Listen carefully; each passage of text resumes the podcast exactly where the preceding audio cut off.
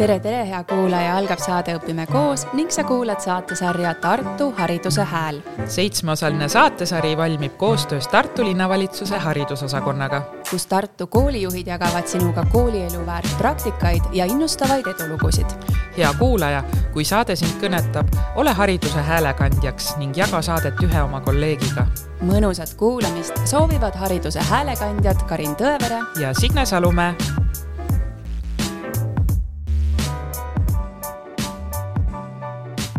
tänases Tartu Hariduse Hääle saates uurime, kuidas toetavad Tartu koolid õppija kujunemist iseseisvaks inimeseks, kes on vastutustundlik ning panustab kogu ja ühiskonna arengusse.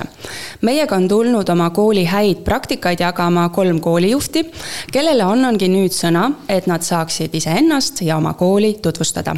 tere, minu nimi Toomas Kink, mina olen Tartu Raatuse kooli direktor tere, mina olen Merike Kaste, Tartu Kristjan Jaak Petersoni gümnaasiumi direktor.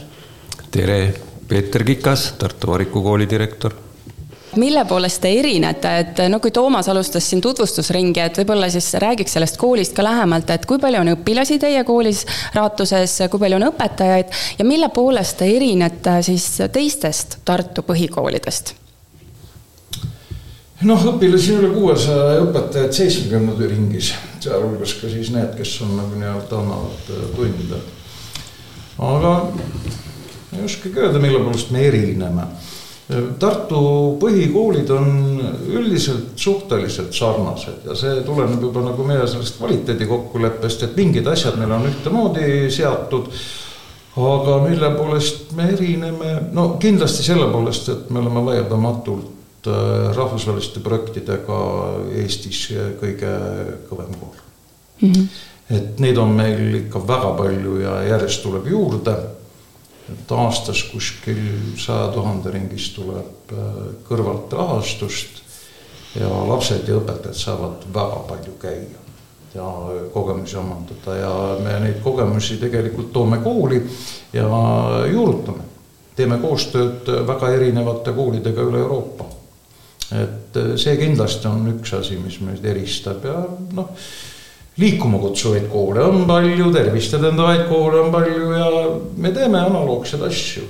sest ega seal ju väga palju äh, põhikoolis ei anna nii-öelda eristuda, sest meile paneb ikkagi riiklik õppekava teatud piirid ette, millega me peame tegelema ja eks me siis selle raames äh, teeme oma asju mm. -hmm. aga kindlasti on parim meeskond mm. -hmm no aga räägi nendest rahvusvahelistest projektidest lähemalt, et too välja neid sellised head näited, mis tõesti noh, meie tänase teema on siin, et iseseisvaks inimeseks tahame kujundada seda õppijat ja et ta on vastutustundlik ettevõtja, ettevõtlik, loov ja panustab, eks ju, ka ühiskonna arengusse, et mis on need projektid, mis sa saad täna lauda käia ja öelda, et vot need on need head näited? Neid projekte on olnud siin selle aja jooksul ikka väga-väga-väga palju ja iga projekt on suunatud mingi konkreetse teema peale, mille raames siis äh, erinevad koolid üle Euroopa teevad koostööd. ja need on kunstiga seotud, need on muusikaga olnud seotud, kultuuriga, ütleme erinevate kultuuride omavahelisest äh, arusaamisest äh, tingituna õpilasvahetus, meie õpilased olid kaks nädalat Itaalias, itaallased olid kaks nädalat meil. lapsed tulid tagasi, ei tundnud enam ära neid. täiesti muutunud, täiesti iseseisvaks muutunud, täiskasvanuks muutunud. see on tohutult arendav laste sellise eneseregulatsiooni mõistes, kus nad on sunnitud olema võõras keskkonnas, hakkama seal saama ja noh, see on selline jälle hea, hea vaadata, et nendest asjadest on kasu. sest kogu see ükskõik, ega need projektid ei ole asi iseeneses. meie ennekõike, meie kooli ülesanne on kasvatada inimesi. ja selleks, et inimest kasvatada, selleks tuleb luua talle võimalusi, selleks tuleb anda talle palju otsustusõigust ja ka vastutus. ja läbi projektide on seda võimalik teha. sa oled kui sa lähed välja oma kooli esindama, siis sa esindad oma kooli, sa esindad oma riiki ja seal sa hakkad mõtlema teistmoodi. sa ei saa enam nagu sellise tavakoolipoisi või koolitüdruku tasandilt äh, asju lahendada, et sa, see vastutuse koorem tuleb niikuinii. ja mõned tajuvad seda päris tugevalt. et see on huvitav selline, ütleme igasugune projektipõhine asi on huvitav, huvitav teha. Ja tema pluss on see, et ta ei veni, ta on ajaga ja rahaga ja inimestega piiratud ettevõtmine.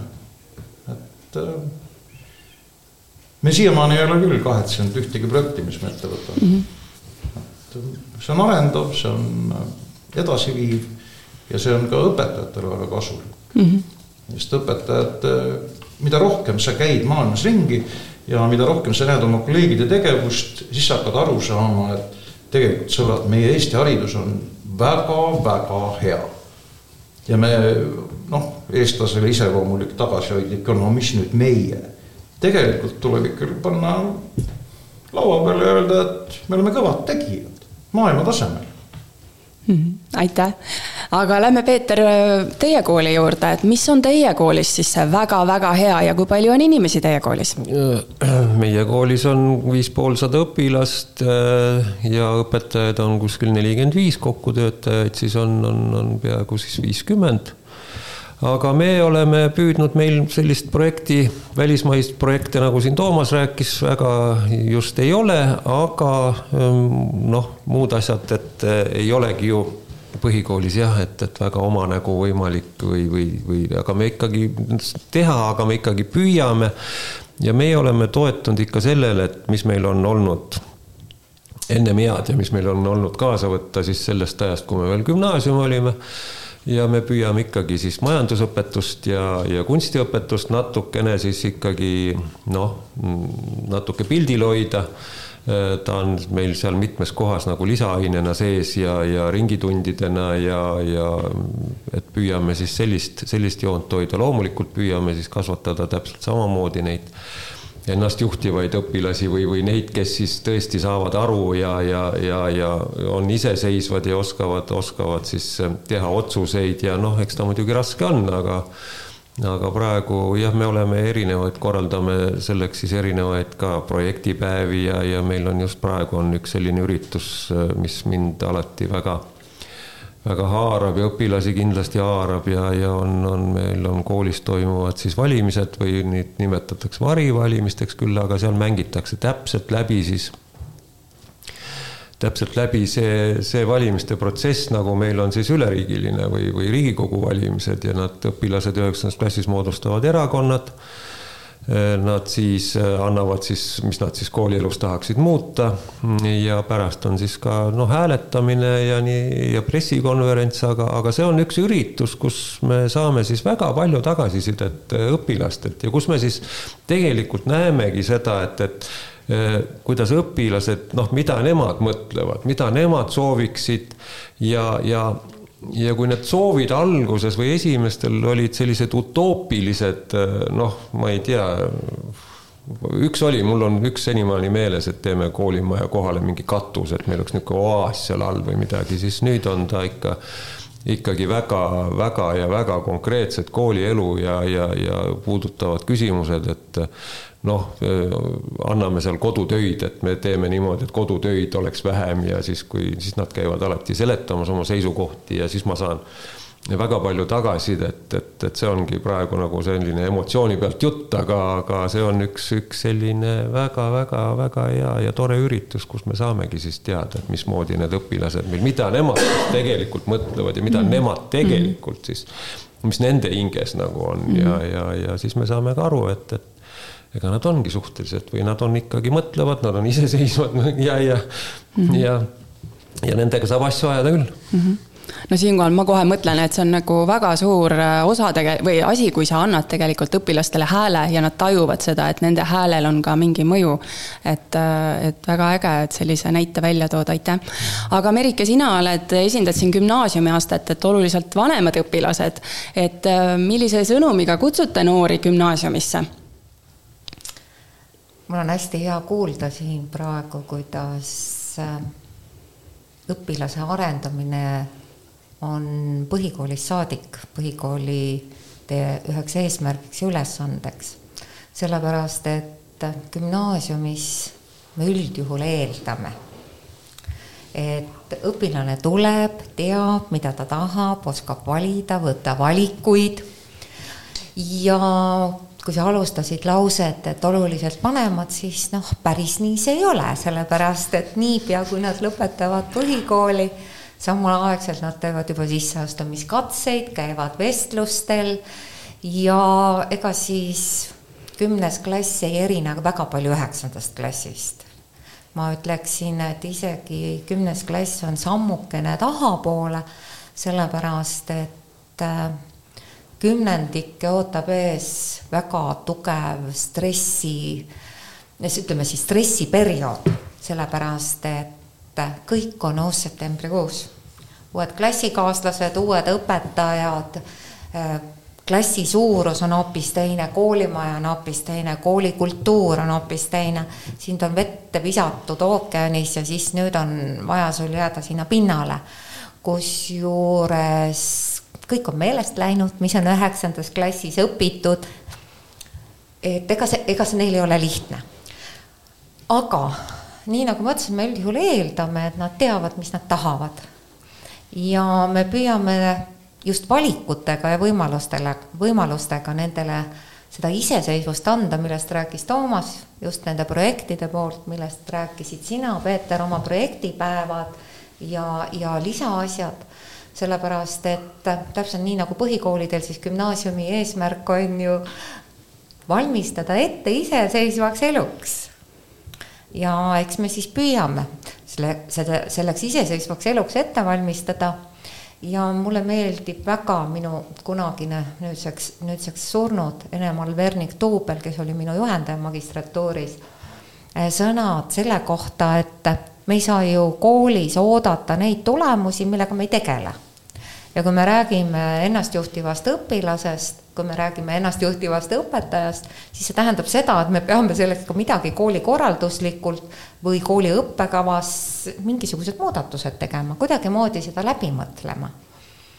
ja kui üldse meie koolist rääkida, Petersoni gümnaasiumis, siis meie võib-olla kõige iseloomulikum joon on see, et me oleme nõndanimetatud nullkool, me ei ole ühegi kooli õigusjärglane, vaid me oleme puhtalt platsilt üles ehitatud. et nii õpilased kui õpetajad, kaks tuhat viisteist oli see, kui hakkasid nad kokku, valetan, kaks tuhat kolmteist, tulid kokku ja hakkasid tegema uut õppekava, mida nad ootavad, ka vanemad käisid koos nende kolme kooliga, mis siis kokku liideti. millised olid nende ootused, millist kooli nad tahtsid, valikuid tahtsid ja selline sõna saigi see üles ehitatud. et meie koolis on siis tõepoolest moodulite süsteem, et kui siin Peeter just ütles, et põhikoolis ei ole eriti võimalik, sellepärast et tunni jaotus on selline, et sa ei saa väga palju pakkuda, sa saad tõesti huvitegevusega, siis gümnaasiumi kõige suurem eripära on see, et nüüd korraga on tal palju valida. ja nii nagu ma ütlesin, me eeldame, et ta oskab hästi valida, ta teab, mis teda huvitab. ja pakume talle üle kolmekümne erineva mooduli, millest ta peab kolm-neli moodulit endale valid, valima. just selleks, et ta gümnaasiumi lõpuks vähemalt teaks, kas see asi huvitab teda edasi või ei huvita teda edasi.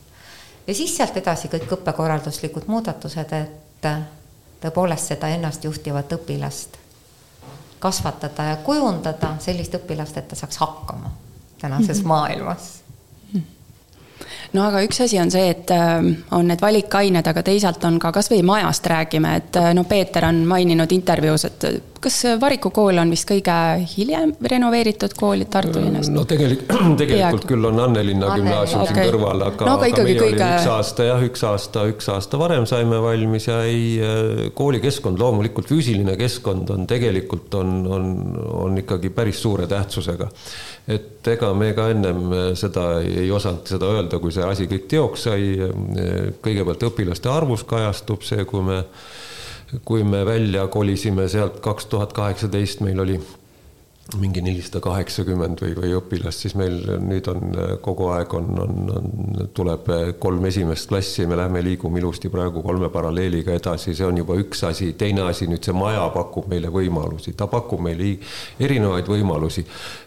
ei saa öelda, et me iga päev nüüd meil on väga palju neid lükandseinu, et me saame avada neid ruume, me saame sulgeda neid ruume noh, ei saa öelda, et me iga päev neid seinu kogu aeg lükkame ja see mm. ei tule ilmselt, ei tulegi kõne alla, aga, aga meil on neid päevi, neid asju, mis me teeme ja, ja meil on need võimalused olemas, mis tähendab seda, et, et et noh, punkt üks on see, et, et me teeme väga palju asju rühmades, me teeme, meil ei ole, me tahaksime meil on nagu lennupõhine ja me ei noh, meie esimene eesmärk oli see, et, et ei hakka, see on A-klass ja see on B-klass, see on C-klass, et selle noh, nagu ja see hakkab nagu noh, kaduma, et, et nad ongi selles tunnis on nad niimoodi koos, seal on nad niimoodi koos, võib-olla veel mingeid muid kooslusi, et me olemegi nagu juba noh, nagu üks koolipere ja, või siis lennupere üle lennu, et, et ei ole vahet, mis klassis sa käid, noh, loomulikult on neil A, B ja C ja klassijuhatajad ka selle järgi, aga, aga koos nad käivad igasugu erinevates, et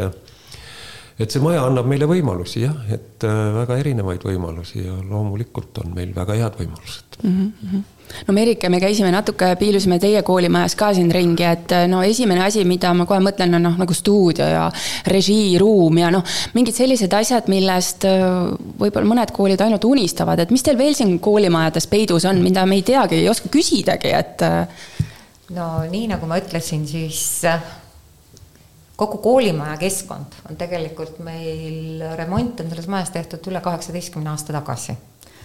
ja kui meie alustasime gümnaasiumina, eks me järjest step by step oleme teinud vastavalt sellele, milline on meie õppekava. me ise muutnud vastupidi, nii nagu on Toomasel ja Peetril, et said, et teil on maja ja saate selle järgi järjest teha, aga meie tegime maja ümber jär-, järjest, mitte ühe korraga.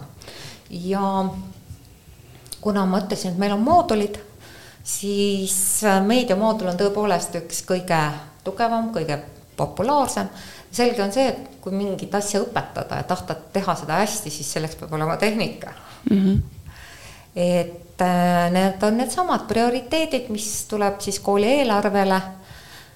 gümnaasiumi suur eelis on see, et äh, meie töövihikuid ei osta õpilastele õpikuid püüame kogu aeg vähendada, sellepärast et õpik vaba, vananeb nii kiiresti ja selle asemel eelkõige siis panna seda õppematerjalide raha siis eelkõige koolikeskkonna ja selliste, selliste vahendite peale, mis parendavad õpetamist pikemaajaliselt.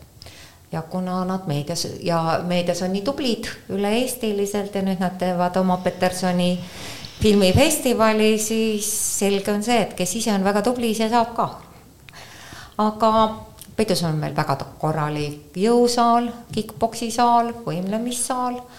Need, mis on, kuna meil on ka spordimoodul ja kui te tulite, siis te nägite, et meil on kohe jalgpallistaadion, mida me samuti rendime, välistaadion kõrval. et need võimalused on olemas, pluss see, et asjad, mis on väljaspool kooli see, mis on moodulid näiteks Tartu Kunstikoolis, kus nad teevad 3D modelleerimist, Tallinna Tehnikaülikooli Tartu kolledžis, Tartu Tervishoiu Kõrgkoolis, Päästeamet, vangla, vanglasse tõepoolest nad ainult korra käivad, seal nagu pidevalt ei ole. teevad ringi ära, tulevad välja tagasi. aga kasutada ära kõike mm -hmm. koolikeskkonnana mm. -hmm.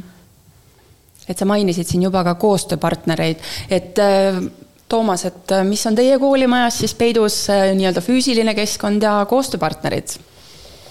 no meil on igasugu asju peidus mm. -hmm, aga laokaardid välja. sa neid ikka peidad, et pigem ikka võtad välja ja kasutad, aga noh, mida, mida tavaliselt ei ole, meil on korralik keraamikaahi, meil on kaksteist klahvpilli, paned kõrvaklapid külge, saad ise komponeerida. meil on kõige vahvam asi on meil saaliklaver aastast tuhat üheksasada viiskümmend seitse. seal on nõukogudeaegne kvaliteedimärk veel peal ja Tallinna klaverivabrik, väga uhke, renoveerisime ära ja see oli vist pea ainuke asi, mille me vanast majast võtsime kaasa mm. aga meil on korralik äh, saal äh,, kus on võimalik teatrietendusi teha, korraliku heli ja valguspargiga. meil on korralikud spordirajatised, jõusaalid. meil on tatamimaas saab judot teha, meil on võimlemissaal, kus on võimlemisvaip maas. igasugu asju on meil mm -hmm. hästi palju, kui Merik siin ütles, et tema töövihikuid ei kasuta, siis me ei kasuta ka töövihikuid, me oleme ammu juba töölehtede peal ja kasutame õpimappe mm. -hmm. et äh, tegelikult need asjad, mida sa teed ja mis sul olemas on, sa pead võtma sealt maksimaalse. et alati on see võimalik hädaldada, et noh, me ei saa teha seda sellepärast, et meil ei ole toda, teist ja kolmandat, aga paraku need on otsitud põhjused pigem otsime viise, kuidas saab. et äh, kui sul hetkel ei ole kunstitunnis võib-olla värve, no tee siis pliiatsi mm. -hmm. et nii ongi, et otsi alternatiive ja me nagu selles mõttes otsimegi kõikvõimalikke alternatiive. ja koostööd teeme me, nagu ma ikka naeran, et äh, meie teeme koostööd vanakuradi vanaemaga ka, kui see kahepoolset kasu toob. et äh, meil on koostööpartnereid väga-väga erinevaid seinast seina. kuna me teeme projektinädalaid, siis äh, me kutsume väljast õpetajaid, noh, põhimõtteliselt jutumärkides õpetajad, nad on oma valdkonna kõvad tegijad ja me viime nad lastega kokku, kus nad räägivad oma igapäevastest tegemistest, kus nad räägivad sellest, miks nad seda teevad. et see on tohutult jälle huvitav lastele ja eriti just see, et kui sa tood oma valdkonna tipptegija kui meie enda vilistlane Mart Noorma käis rääkimas lastele kosmose asjast, siis tundus, et no mis need lapsed sellest kosmosest, aga lastel oli väga huvitav mm. -hmm. või, või ükskõik mis teisest eluvaldkonnast, et alati on huvitav kuulata professionaali ja kes ongi oma valdkonna selline tipptegija. Et äh, me püüame lastele pakkuda võimalusi enda arenguks. kasvõi seeläbi, et me, me ei too majja popkultuuri täiesti teadlikult ja püüame tuua alternatiivseid asju, et lapsed õpiksid tarbima sellist kultuuri, mida nad igapäevaselt ise ei tarbi ja mida nende pered ei tarbi. ehk teeme koostööd Pille Lille fondiga, meie enda vilistlasi, muusikuid toome majja ja nii edasi. Et ähm, selles mõttes meil ei ole ühtegi nagu sellist tabu, et me ei tee temaga koostööd mm. -hmm. ja nagu kunagi ma olen öelnud, et ähm, anna ja siis antakse ka sulle. et samamoodi, kui meiega tahab keegi koostööd teha ja tahab midagi meie käest nagu palub, et kas sa, kas sa annad, me oleme alati andnud mm. -hmm. et selliseid asju, mida me ei jaga, neid ei ole olemas. et see on selline kuidagi noh, välja kujunenud aastatepikkuse töö käigus. Et ole avatud, ole helde ja täpselt samamoodi suhtutakse susse.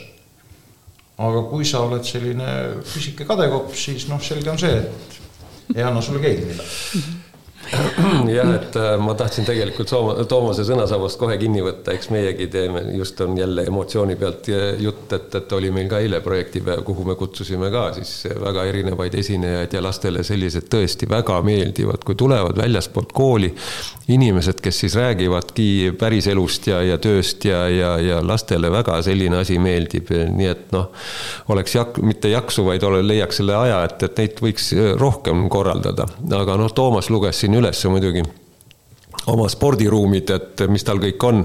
meil ei ole mitte ühtegi.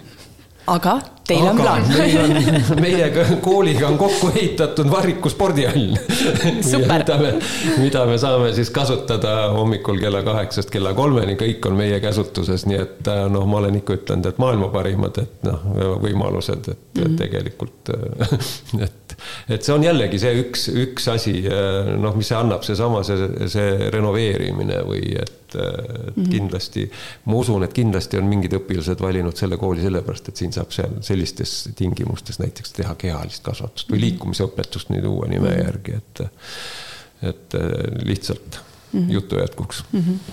no ja tegelikult see sportimisvõimalused, et noh, see avab ka nii-öelda kogukonnale selle kooli rohkem, et noh, sa oled justkui ühes majas ju tegelikult no,, et. täpselt nii ongi, et, et eks need, kes seal majas käivad, need on ka sealt ümberkaudsed, mõni on ka kaugemalt ja, ja, ja noh, on näha, kuidas vilistlased seal käivad ja eks nad, nende lapsed ka kunagi ilmselt siis hakkavad ka seal käima ja, ja, ja, ja me oleme noh, püüdnud, Variku linnaosas ei ole nagu sellist äh, kogukonnakeskust või mm -hmm. seal ei ole sellist äh, kogukonda noh, me natukene pürgime või oleme püüdnud seda teha, et sinnapoole pürgida, et, et meil on tegelikult arengukavas ka selline mm -hmm. punkt sees, et, et et kui me teeme kooliüritusigi näiteks, siis see on mitte ainult koolile, mitte ainult lastevanematele, vaid need, kes me oleme pannud üles kuulutusi ja Facebookis kuulutanud, et noh, et, et võivad kõik tulla, et vaatama mm, -hmm. et, et me oleme noh, see, seda võib ka nimetada koostööks jaa, absoluutselt, absoluutselt. Merike tahtis veel täiendada midagi. ei, ma tahtsin öelda, et hästi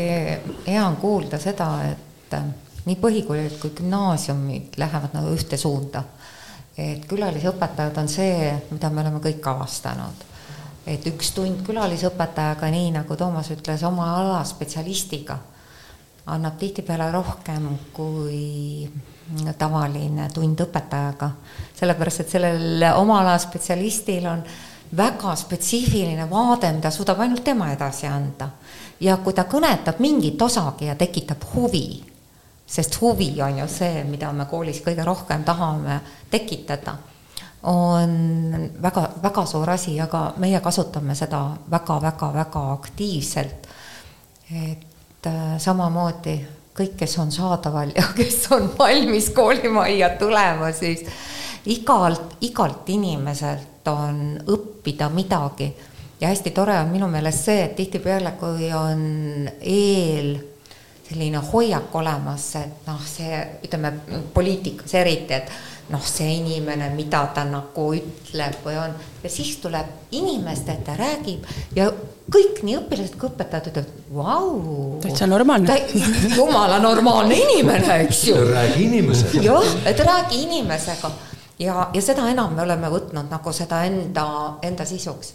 ja tõesti, kui ma kuulasin siin ka äh, kolleege sportimisvõimalustest ja koolivõimalustest, siis mul täpselt peas jooksis see, see mõte kogu aeg läbi, et nii hea on täna olla õpilane mm. -hmm. millised võimalused sul on mida sa saad kõike teha, põletada savi, käia kõikides trennides, ei tea, mida valida. ja võib-olla me oleme läinud siin nagu teisele äärmusesse, et võib-olla neid valikuid on liiga palju. ja millega võrreldes, et ja. kui sa mõtled omaaegse kooli peale, siis tegelikult ju meie ajal valikuid praktiliselt ei olnudki. Täitsa normaalne oled. jaa ma hakkasin enne mõtlema selle peale, et eh, mis meil endal nagu kooliajast on meelde jäänud. no kuna mina käisin eh, Tartu seitsmendas keskkoolis, mis on praegune Karlova, seal olid ajaloo eriklassid, siis mul on siiamaani meelde jäänud, kui tulid sellised legendaarsed, praegu legendaarsed kujud, Aadu Must, Villu Tammul, Eha Komissarov, kes olid praktikandid ja nad andsid meile tunde ja need on mul siiamaani meeles sealt oli midagi näha, ma esmakordselt nägin slaidide pealt Dali maale on siiamaani lemmikkunstnik. aga kui sa mõtled ka nagu praeguste laste peale, siis täpselt samamoodi jäävad neile meelde sellised eredad sähvatused, kui need kakssada viiskümmend matemaatikatundi, mida me usinalt istusime ja eriti nagu ei saanudki väga pihta. et ähm, me peame nagu looma sellise keskkonna, kus äh, tekib positiivne emotsioon ja kuna inimene õpib kõige paremini siis, kui tal on positiivne emotsioon, siis äh, meie asi on luua selline keskkond. et ega me ei saa kedagi õpetada. inimene esiteks õpib ise, kui ta tahab, ja teine asi on see, et me saame luua sellise keskkonna, kus see õppimine on võimalik see on äh, puhas neuropsühholoogia, puhas ajul põhineva õppe põhialused, äh, see on see, millel peab baseeruma üks tänapäeva kool et kui me ei tea seda, kuidas inimene mõtleb, kuidas me teda õpetame siis? kuidas ta õpib? miks jäävad asjad meelde? me ei ole kunagi õppinud oma vanaema nime pähe, aga ta on meil meeles. ja samas me oleme õppinud igasuguseid valemeid, me ei mäleta nendest väga paljusid. Et äh, mäluprotsessid, see on õppimise alus ikkagi. ja teine asi, mida ma sealt kindlasti juurde tahaksin öelda seesama näide, mida sa tõid, et kas need äh, kolmsada matemaatikatundi või üks spetsialist, siis ka praeguses õppekavas ja ka uues õppekavas, mis on, et me ei unustaks ära seda, et kõige tähtsamad on pädevused, kuhu me peame jõudma ja aine ja teema on vahend sinna jõudmiseks mitte ainult see, et noh, me võtame õpiku, jagame teemad ära, mida me täna-homme nüüd ülehomme võtame, mida me kontrollime, mille eest paneme hinde, seesama pädevus toime tulla elus. et seesama näide Toomase puhul, et mm, mul kohe tuleb siin meelde, kuidas paar aastat tagasi käis mul üks sak-, saksa tudeng käis, õppis Saksamaal, käis siin ja siis läksime temaga, see oli septembrikuus, läksime temaga metsa ja tema käis minu järel, mina käisin seenel, ütles, aga kust sa tead, et neid korjata? kust sa tead, mida sa teed, et sa kukeseene pead praadima, puravikku pead praadima, riisikat pead kupatama? vanaema õpetas. just tahtsingi öelda, aga see, mis me oleme praktiliselt läbi teinud, et minu mõte ongi see, et iga õppekavaga muutus, mis tuleb, ei ole niivõrd tähtis see, mida, mis seal kirjas on, vaid see, et õpetajatena me mõtestaksime läbi ja suudaksime aru saada, mis on selle asja eesmärk. Ja just seesama, et mitte see, et me räägime, peame loengut ja õpetame, vaid kuidas me loome keskkonna, et lapsel oleks hea olla või noorel täiskasvanul oleks mõnus olla, et me tekitaksime huvi, et tahaks nojah, tähendab, see on see nüüd ennastjuhtiva õppe, õpilase kasva-, kasvatamine, õpetamine, aga siin sõnasabast jällegi kinni võttes, et et me räägime pädevustest ja mis meil tegelikult nagu me peaksime lapsi õpetama, aga paraku ma kuulen nii siit kui sealt, et, et kui meie õpilased on läinud järgmisesse kooliastmesse, on ära lõpetanud kooli, siis nad räägivad seal oma õpetajatele, et oh, seal õpetaja muudkui hirmutas meid sellega, et sul tuleb eksam ja ja kui sa seda nüüd ära ei õpi, siis, äh, siis sa noh, sinust ei saa mitte midagi. et me püüame ju sellega igapäevaselt koolis nagu tegeleda ja muuta seda protsessi, aga noh, paraku on ta, on ta noh mõnes mõttes raskendatud mm., et, et senimaani ma kuulen neid jutte, et. no eks siin on teatud objektiivsed põhjused, sest ikkagi see. see on see üldine konting..., üldine hindamine ja. jah, et hinnang... kui palju me nagu nende muutustega kaasa läheme. neuropsühholoogias on viimase, ütleme, kolmekümne aasta jooksul nii palju uut inimese kohta teada saadud.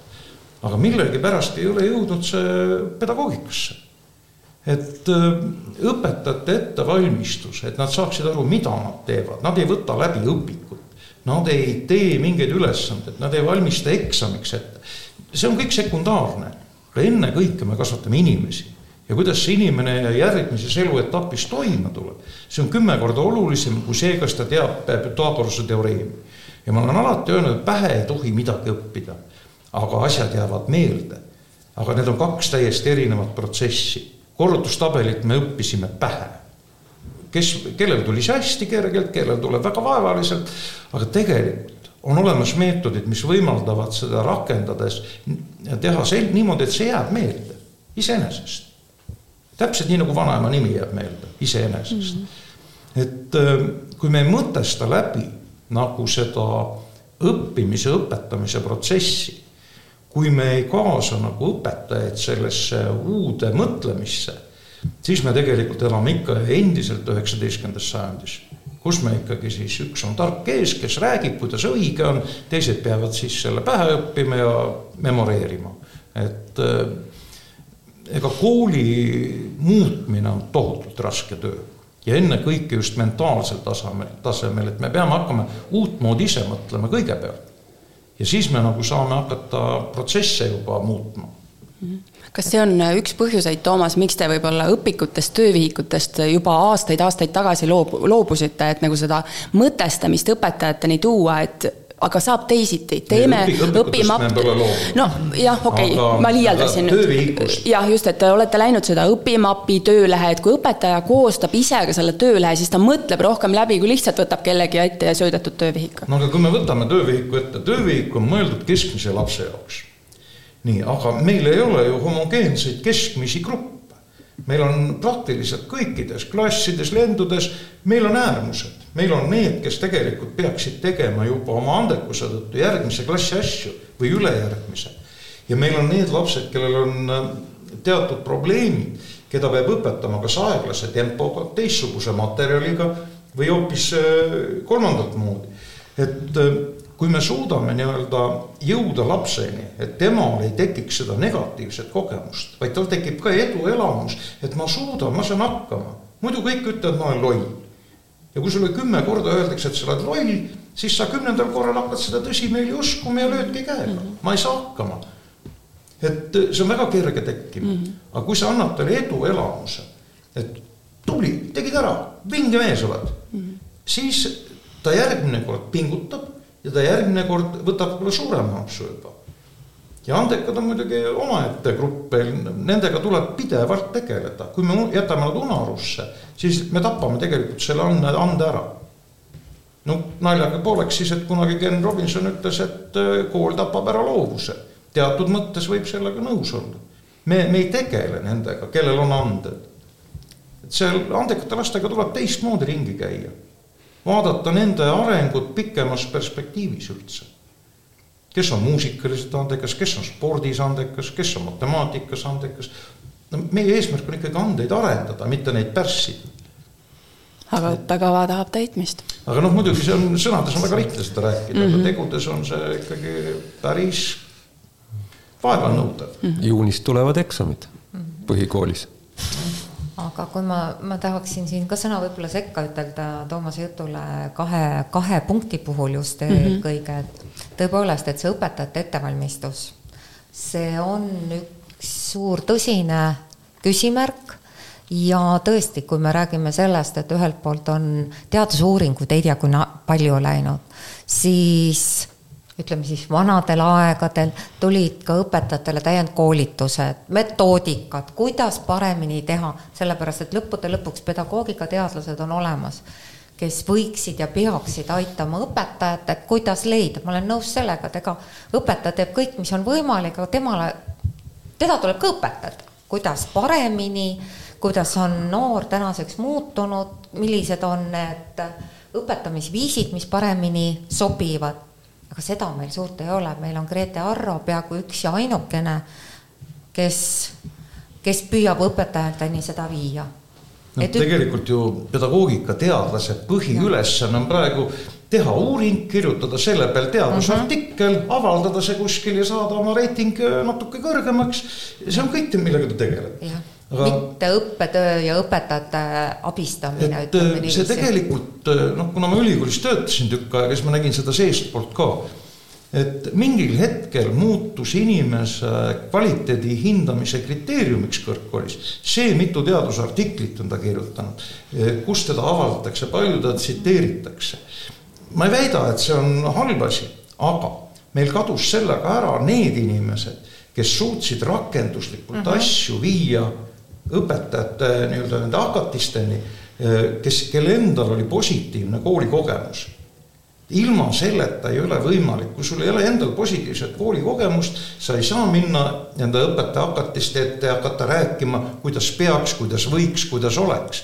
vaid sa räägid, et need asjad töötavad, need asjad ei tööta, minu puhul. et see on äh, nagu selline kahetasandiline asi, et äh, õpetaja ettevalmistuses peab olema praktiline pool ja peab olema see teaduslik pool ja need peavad olema kokku sulatatud.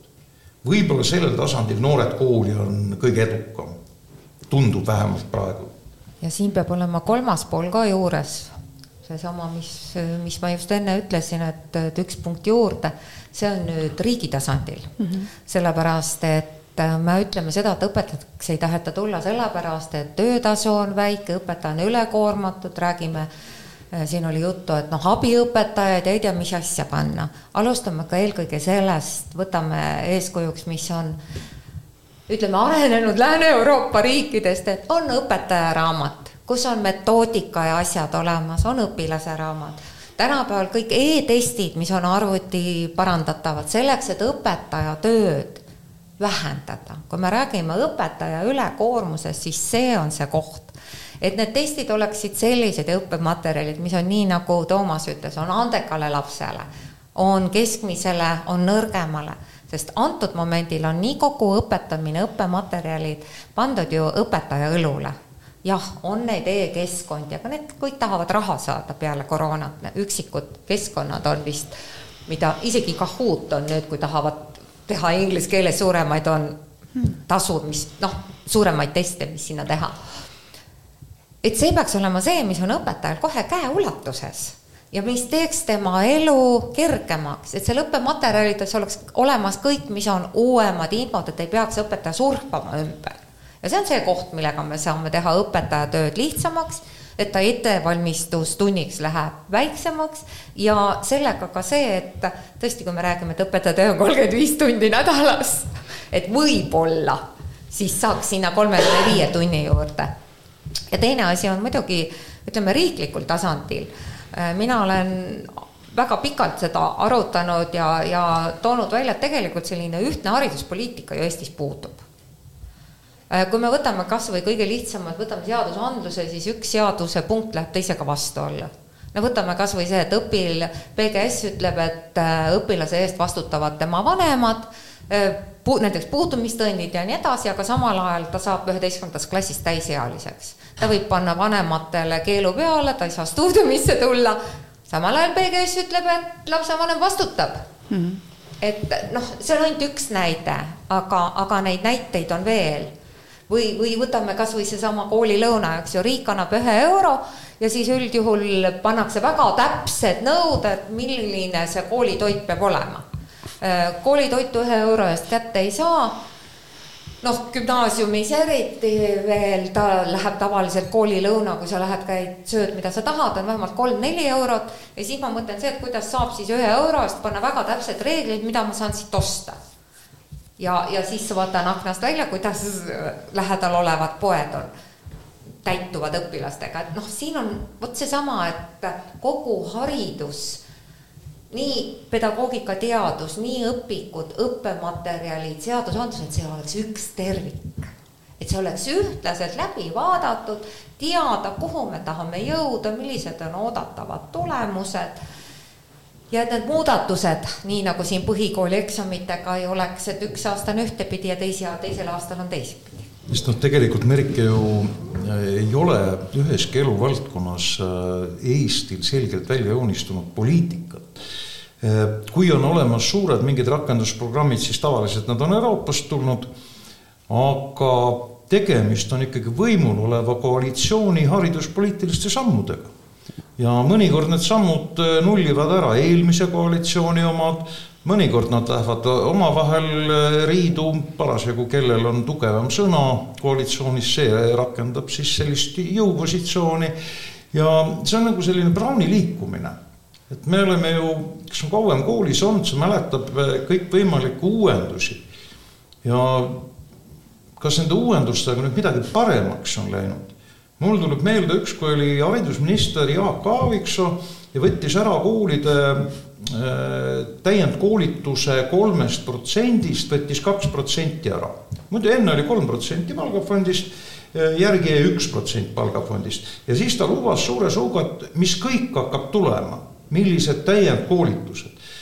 Minu meelest me ostame ikkagi veel vabaturult ülikoolid, ülikoolid pidid kõik korraldama ja, seda ja, ja, ja, ja. Arno Too korraldab ju, loe nimekirja. Äh, minu meelest on kogu see värk läinud ikka nii lahjaks, et hoia ja keela, varem me saime ikkagi siukest rätsepaülikonda tellida, praegu me enam nii ei saa. et vaatame, mis turul ja, ja siis vaatame, äkki saame ise hakkama.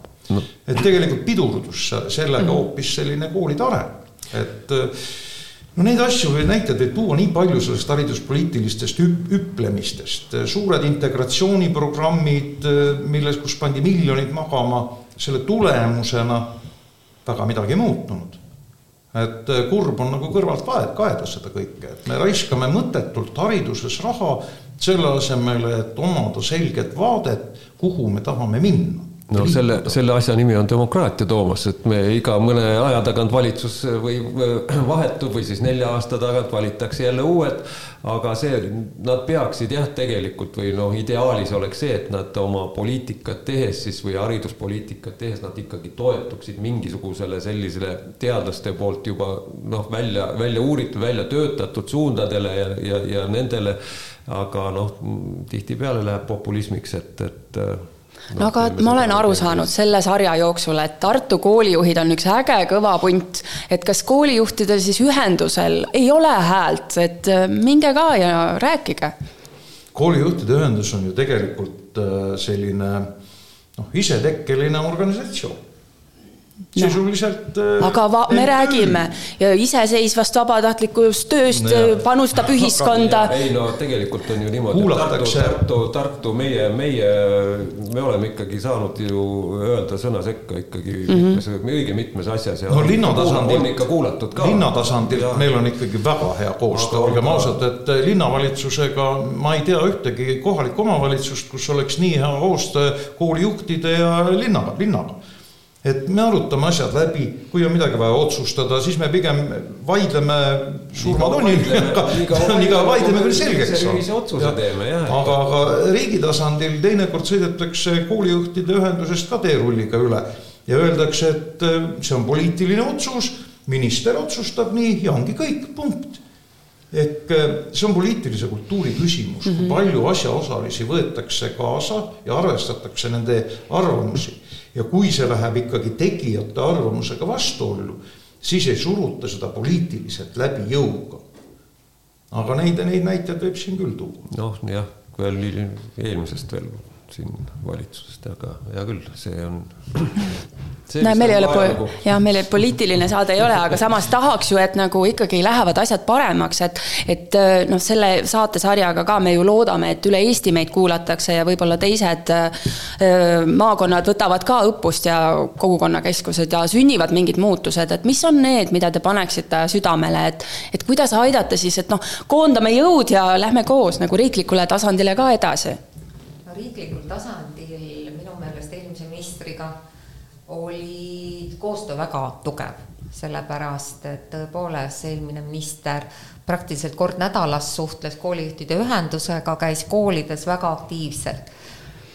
aga nii nagu Toomas ütles, ma olen siin sada protsenti nõus, me oleme kõik pikalt äh, hariduses olnud ja ja need poliitilised vangerdused, mis tehakse, siis koolijuhtide ühendus on ainult üks osapool aga seal on lastevanemate liit, erinevad erakonnad. see arv, arv vist oli nelikümmend kolm, nelikümmend kolm oli vist neid osapooli, mis ja, õppekava. õppekava okay. kokku panid ja mida ma küll saan öelda käsi südamele pannes, et Tartu koolijuhtide puhul vähemalt äh, kõik püüavad teha antud situatsioonis, antud seaduste, antud ressursside juures parimat õpilase heaks mm. -hmm. ja need otsused tulevad ennekõike õpilasest lähtuvalt. et leitakse neid võimalusi, otsitakse neid variante, mida, kus, kuidas ja täpselt nii, nagu siin juttu oli, siis ega kõik koolijuhid püüavad oma koolis edasi viia ka oma pedagoogilist kontseptsiooni lähtuvalt teaduse muudatustest, mida ei tule mujalt poolt, siis koolis siseselt seda ju kõik püüavad teha mm. -hmm anda õpilastele parimat, anda nendele võimalused. ja see on see, mida me ise tunnetame, et me saame ära teha. ja see, kui tuleb jällegi, et andke arvamus seaduse eelnõu kohta, no siis me anname arvamusi mm. -hmm. noh, arvamusi ikka anname, aga kui palju neid kuulda võetakse, et ühelt poolt me saame tõepoolest aru, et neid osapooli on palju, rahuldada kõiki ei saa noh, alates ütleme kasvõi rahast, mis me oleme rääkinud, ma ei räägi õpetaja palkadest, vaid ütleme õppevahendite raha e, e-õppe raha. et neid valdkondi on väga palju, mis vajavad raha, aga see ongi seesama, millest just Toomas ka ütles, et pikk poliitiline visioon, mis on siis tähtis. ei ole me ka õpetajate puudusesse kukkunud viimase aastaga nüüd ja kohe, vaid see on tulnud step by step kogu aeg meilt igalt poolt on tulnud samuti, kui me vaatame kogu koolikeskkonda, jah, tõesti, Tartu linn on võtnud siin endale, koolikeskkondasid parandada ja teinud, äh, teinud neid otsuseid.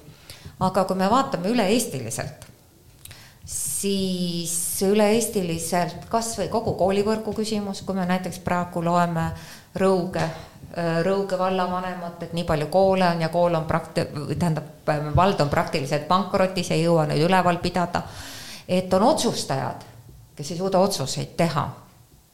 ja ühelt poolt tõesti, nii nagu Peeter ütles, et suur demokraatia, et kõik otsustavad ja on, aga demokraatiaga kaasneb ka vastutus.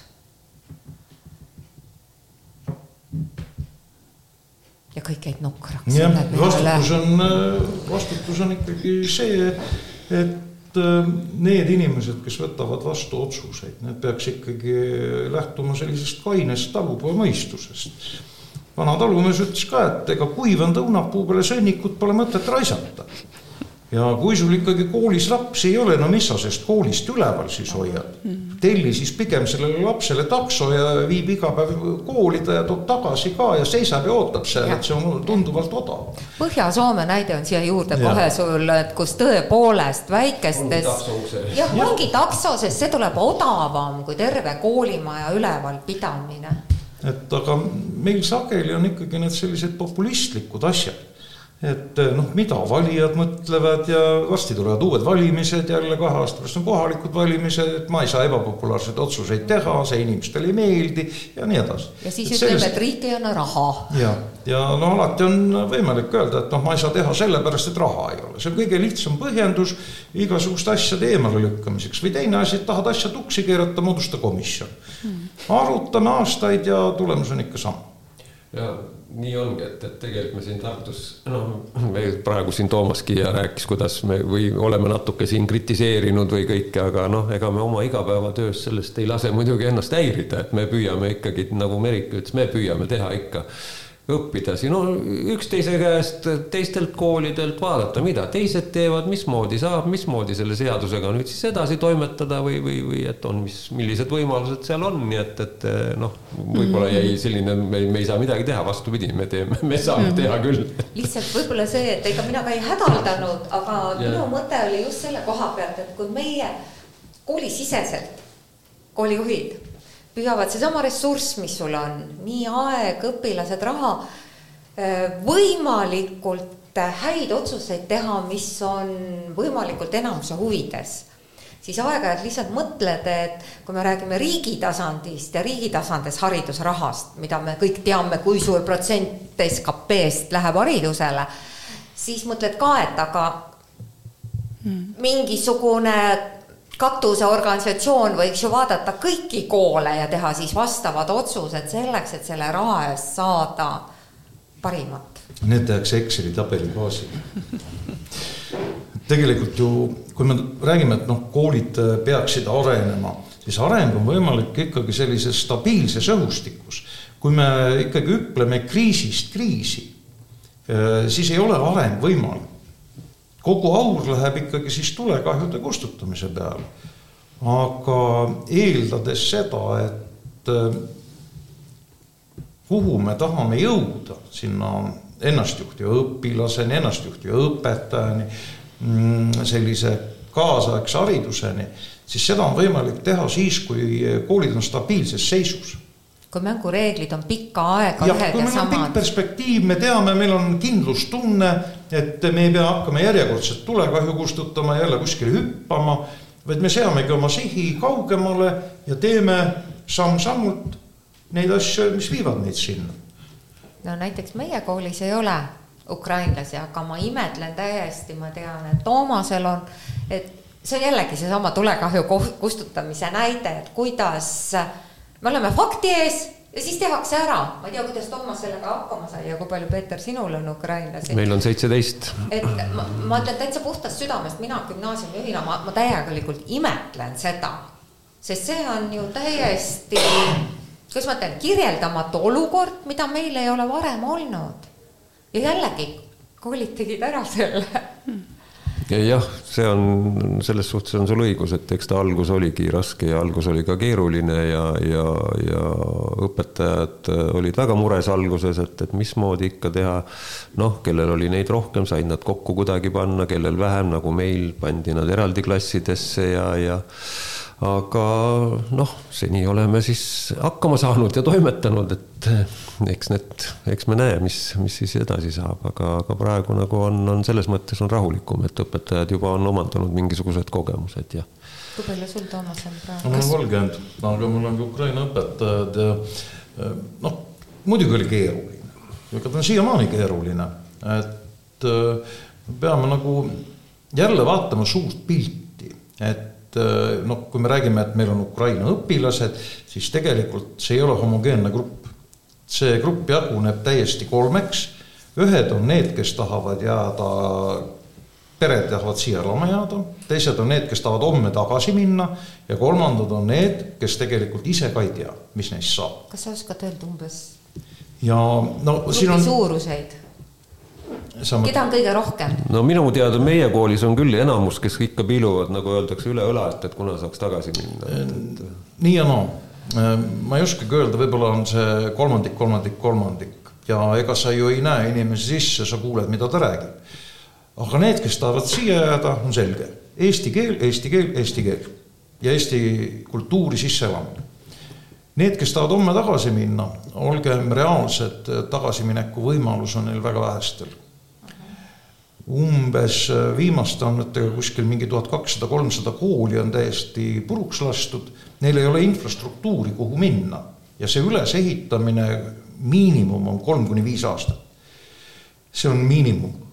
Ja selle aja nad ilmselt peaksid siin olema, sest äh, kui nad ütlevad, nad lähevad tagasi sinna Lääne-Ukrainasse, siis see on ülerahvastatud juba, ka koolid on ülerahvastatud aga Ida-Ukraina on ju täiesti košmaar ja, ja noh, kolmandad, kes ise ka mitte midagi ei tea, noh, nende, nendega on keeruline, sest nad ongi nagu kuidagi jäetud äh, ilma peale. et nad ei oska isegi otsustada, mida nad täna teevad ja meie asi on võib-olla toetada ka vanemaid, ka neid õpetajaid, ka neid lapsi. Selge on see, et mingil hetkel tekivad kriisimomendid neil, see on puhas psühholoogia kus äh, selline noh, tekib nagu võimetuse tunne, et minust ei ole midagi ja mis must nüüd siis saab. et ähm, meie asi on tegelikult nendele inimestele anda kindlustunne, nad on siin hoitud, kaitstud, me tegeleme nendega, me ei jäta neid üksi. Ja võimendada seda ka neile, et äh, teeme koostööd, sõbrad. meil on üks asi ajada et teie lapsed saaksid pärast eduliselt hakkama. ja ma arvan, et kui sa võtad nagu selle suure pildi, siis saad hakkama. muidugi, kui sa hakkad seal mingeid õppeaineid taga ajama ja hindeid panema ja muud säärast, siis see on noh, tegelemine elu pisiasjadega, millele ei peaks keskenduma. jah, aga paraku ta nii on, et õpetajad on ikkagi, meie õpetajad on sellised, kes, kes tahavad, et nad ikkagi nad midagi teaksid, et nad omandaksid, et nad vastaksid, et nad, aga noh. Aga sellepärast ma saan aru, te korraldate selliseid metoodikapäevi, koolisiseseid koolitusi, et ma mäletan, et kui me seda intervjuud kokku leppisime, siis Toomas ütles ka, et see päev mulle ei sobi, et meil on Ukraina teemaline koolitus, et kui sa ennem tõid lauda, et õpetajahariduses on meil puudujääk ja koolitused on natuke sellised, võiks olla parema kvaliteediga, siis ma saan aru, et Tartu on selles mõttes, et korraldate haridusfestivale, teete neid metoodikapäevi, noh, ma ei tea, võib-olla nüüd on parem nimi sellele välja mõeldud on nüüd üks tasand, see on see linnatasand mm, -hmm. kus me teeme koostööd, kus meil on ühised üritused, noh, Peetri juures oli haridusfestival siin, äh, kena üritus, äh, aga samas see kõige olulisem tasand on ikkagi sinu oma kool mm. -hmm. kui palju sa oma koolis suudad inimesi arendada? kas sa lased neil toimetada nii-öelda igaüks vaatab ise, kuidas saab ja kupp või päästmi nuppu eneseasi, või sa ikkagi teatud sihikindlusega ajad mingit mantrat, et me homme teeme nii. noh, täna on meil üks selline mantra, et homme me hakkame avatud maastikul tõsisemalt tööle. ja me selle pealt siin juba tükimat aega koolitame inimesi, püüame aru saada, kuidas nad mõtlevad ja olgem ausad, uuenduste vastu on alati vastuseis no ikka sõnad kõigepealt. see on äh, tahad uuendust sisse viia, arvesta sellega, et kohe tuleb tõrge, ei saa, sellepärast et. ja otsitakse põhjusi. vähemalt see põhjuste otsimine paneb tal mm, aju tööle. seda kindlasti, aga siis pead sa olema natukene rohkem ettevalmistunud ja ütled, et vot need asjad, mis sa välja tõid, need on ümberlükatavad selle, selle ja sellega aga just ennem tahtsin lisada, et, et võib-olla see koolikeskkonna muutus nüüd, mis meil, meie koolides on nagu toimunud või selle füüsilise keskkonna muutus on tegelikult võtnud neid ei-sid ja, ja, ja vähemaks, et, et seda, et me ei saa teha. mulle tundub, et seda on jäänud hulka vähemaks. noh, loomulikult on, aga, aga mulle tundub küll, et, et see on nagu võtnud võimaluse ära, et, et me ei saa seda teha sellepärast, et, et neid on jäänud vähemaks. Inimesed on ju arenemisvõimelised. suhteliselt, jah. kõigil on. see on minu tunne, ega ma mingit uuringut ei ole teinud loomulikult. no minu tunne ütleb siin, et võib-olla neid ei-sid on võtnud vähemaks ka see, et äh, Tartu linnavalitsus on välja, on selline konkurss nagu õppekava rakendamist toetavad projektid, et äh, kas need on, see on ka asi, mida võiks jagada teiste maakonnakeskustega, Toomas muigab muidugi, et ta on nagu selline, et natuke irooniline oled või? meil, mul tuli meelde see, et äh, kui see asi alguse sai, siis äh, kõik taotlesid sealt projekte ja ja siis me läksime niisuguse teistsuguse asjaga sinna ja meid tõsteti sellest projektist välja mm. -hmm. meid hakati otse finantseerima sest äh, meie suutäis oli lihtsalt nii suur, et see ei mahtunud sinna suhu ära enam mm. -hmm et aga me oleme teinud aastaid seda ja noh, kui tehti siin, kuulutati välja konkurss, et õppekava toetavad projektid, siis need olid niisugused ühepäevased ja kahepäevased, me tegime nädalate kaupa. meil oli mastaap, oli täiesti teistsugune, meil on siiamaani see mastaap, et äh, lisaks nendele ühekordsetele sutsakatele, mida me nagu kogu aeg toome õppe, õppetegevusse sisse, siis on äh, kas nädal, kus me töötame täiesti teises rütmis kõikvõimalikke erinevaid tegevusi. me soosime seda, et tehakse asju majast väljas, et lapsed viiakse sellistesse kohtadesse, kus nad tavaolukorras võib-olla ei satu, toome majja sisse palju asju, see on hästi tihe planeerimine. Ja mul on selles mõttes, nagu ma ikka ütlesin, mul on parim kamp üldse, mida ma nagu näinud olen, et nemad siis tegelikult on suutnud selle viia teatud väga heale tasemele kust on nagu iga aasta kohendame, iga aasta võtame tagasisidet õpetajatelt, õpilastelt ja kogu aeg tahame nagu veel paremaks. me oleme ju need, kes ei ole kunagi millegagi rahul, mina eriti. iseendaga kõigepealt. ja, ja nii me toimetame ja tegelikult on see aidanud paljuski kaasa jälle äh, sellise teistsuguse vaate kujundamisele, et on võimalik teha asju teistmoodi Te ei pea tegema nii, nagu kolmkümmend aastat tagasi. aga võib. võib muidugi, ega vanades asjades on ka omad võlud. minnes käisi juurde, võtame käisi raamatu lahti ja vaatame. seal on täpselt kirjas. kõlbab, kõlbab küll. lahendame neid samu küsimusi. ja, ja siis tulevad sellised noored nii-öelda jutumärkides pedagoogika teadlased kes siis hakkavad äh, rääkima neid samu käisi asju, et äh, nemad avastasid selle just, et nüüd peaks nii tegema. ma ütlesin oot-oot-oot, seda räägiti juba sajand tagasi. aga projektide juurde tulles jah, ei, see on äh, küll tõesti Tartu linnavalitsuse poolt on või haridusosakonna poolt üks väga suur asi, et me saame neid teha ja alati leidub neid õpetajaid ja erinevaid õpetajaid, mitte nii, et iga aasta teeb keegi ja me oleme ka teinud täpselt samamoodi, et mõni on siis selline suurem projekt ja mis on leidnud ka siis eraldi nagu koostöö rahastamist, aga aga see on kindlasti väga-väga suur asi, õpetajad teevad äh, ikkagi, taotlevad neid projekte, neil on mõtted, neil on ideed, mida mida siis koolielus võib-olla teistmoodi tänu nendele projektidele teha ja, ja noh, noh, Toomas juba rääkis ära, et, et kindlasti mm -hmm. tuua kedagi sisse, näidata mingeid muid asju, käia kuskil, õppida looduses midagi, et, et need on tegelikult ja väga-väga tähtsad asjad ka meie jaoks. samamoodi on ju tegelikult äh, seesama kultuuriranitsa raha. et ja. Äh, mis võimaldab meil viia lapsi oluliselt rohkem kultuuri tarbima nii et kui me ikkagi ütleme, et me ostame ise piletid, kool ostab sulle piletid ja siis ongi, siis saavad kõik minna, et kui ennem seda oli see, et, et noh, me tahaksime klassiga minna ja osa klassist jääb maha. klassist jäi maha, mõned Kuh. õpilased, meil ei ole seda võib-olla jah, seda laste... võib-olla oli ettekääne, võib-olla mitte, aga ütles, et mul ei ole seda raha. perede majanduslikud võimalused, noh, ongi erinevad, jah ja.. et ähm, kui ma kunagi klassijuhataja olin, siis mõnikord maksin ise. Mõne lapse pileti, ma teadsin, et kodus lihtsalt ei ole seda raha. et äh, aga meil oli ka reegel, et me käime kõik koos, mitte kedagi ei jäeta maha, nagu USA siili. no Merike, kas saame kokku võtta siis niimoodi, et küsija sulle antakse? ma arvan küll, sellepärast et gümnaasiumite puhul on õppekava toetajad projektid natuke teistmoodi mm. -hmm. sellepärast, et äh, haridusosakond annab äh, selle raha koolile õpilaste pealt on pearaha arvutatud ära ja meil toimuvad need, see projektikonkurss koolisiseselt. et õpetajad teevad minule taotlused, me vaatame õppejuhiga siis läbi need taotlused ja kui see tõesti algas, ma jäin isegi korraks mõtlema, see on nüüd ikkagi üks nende projektide asi, see päris vana asi kaks tuhat kaksteist oli kaks tuhat kaksteist oli.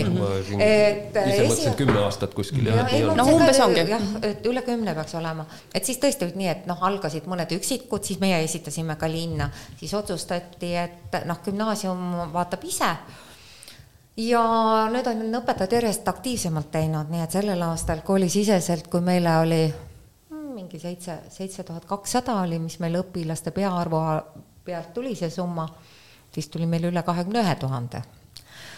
aga noh, see on minu asi, kust ma otsin raha sinna katteks peale, sellepärast et kõik on sellised, mis nii nagu just rääkisid Toomas ja Peeter, et et õpilasi välja viia, toetada neid, neid projekte koolist välja, metsa, loodusmoodulid, giidipraktika moodulid ja nii, nii edasi aga kui me üldse projektidest räägime, siis neid on koolis hästi mitmel tasandil, sest siia juurde tulevad ka aktiivõppeprojektid, mida siis saavad õpetajad kasutada ja sel aastal sügisel jah, kui see uus hange tuli, hästi tore oli, meie õpetajad vähemalt ütlesid, oli lisandunud aktiivõppeprojektidesse selliseid pakkujaid, keda varem ei olnud, näiteks Chate tantsukool, meie, meie näitemoodul ja filmimoodul, kohe mõtlesin, et vau wow väga hea asi, mis sinna, ütleme, need muuseumid, ERM ja need on klassikalised.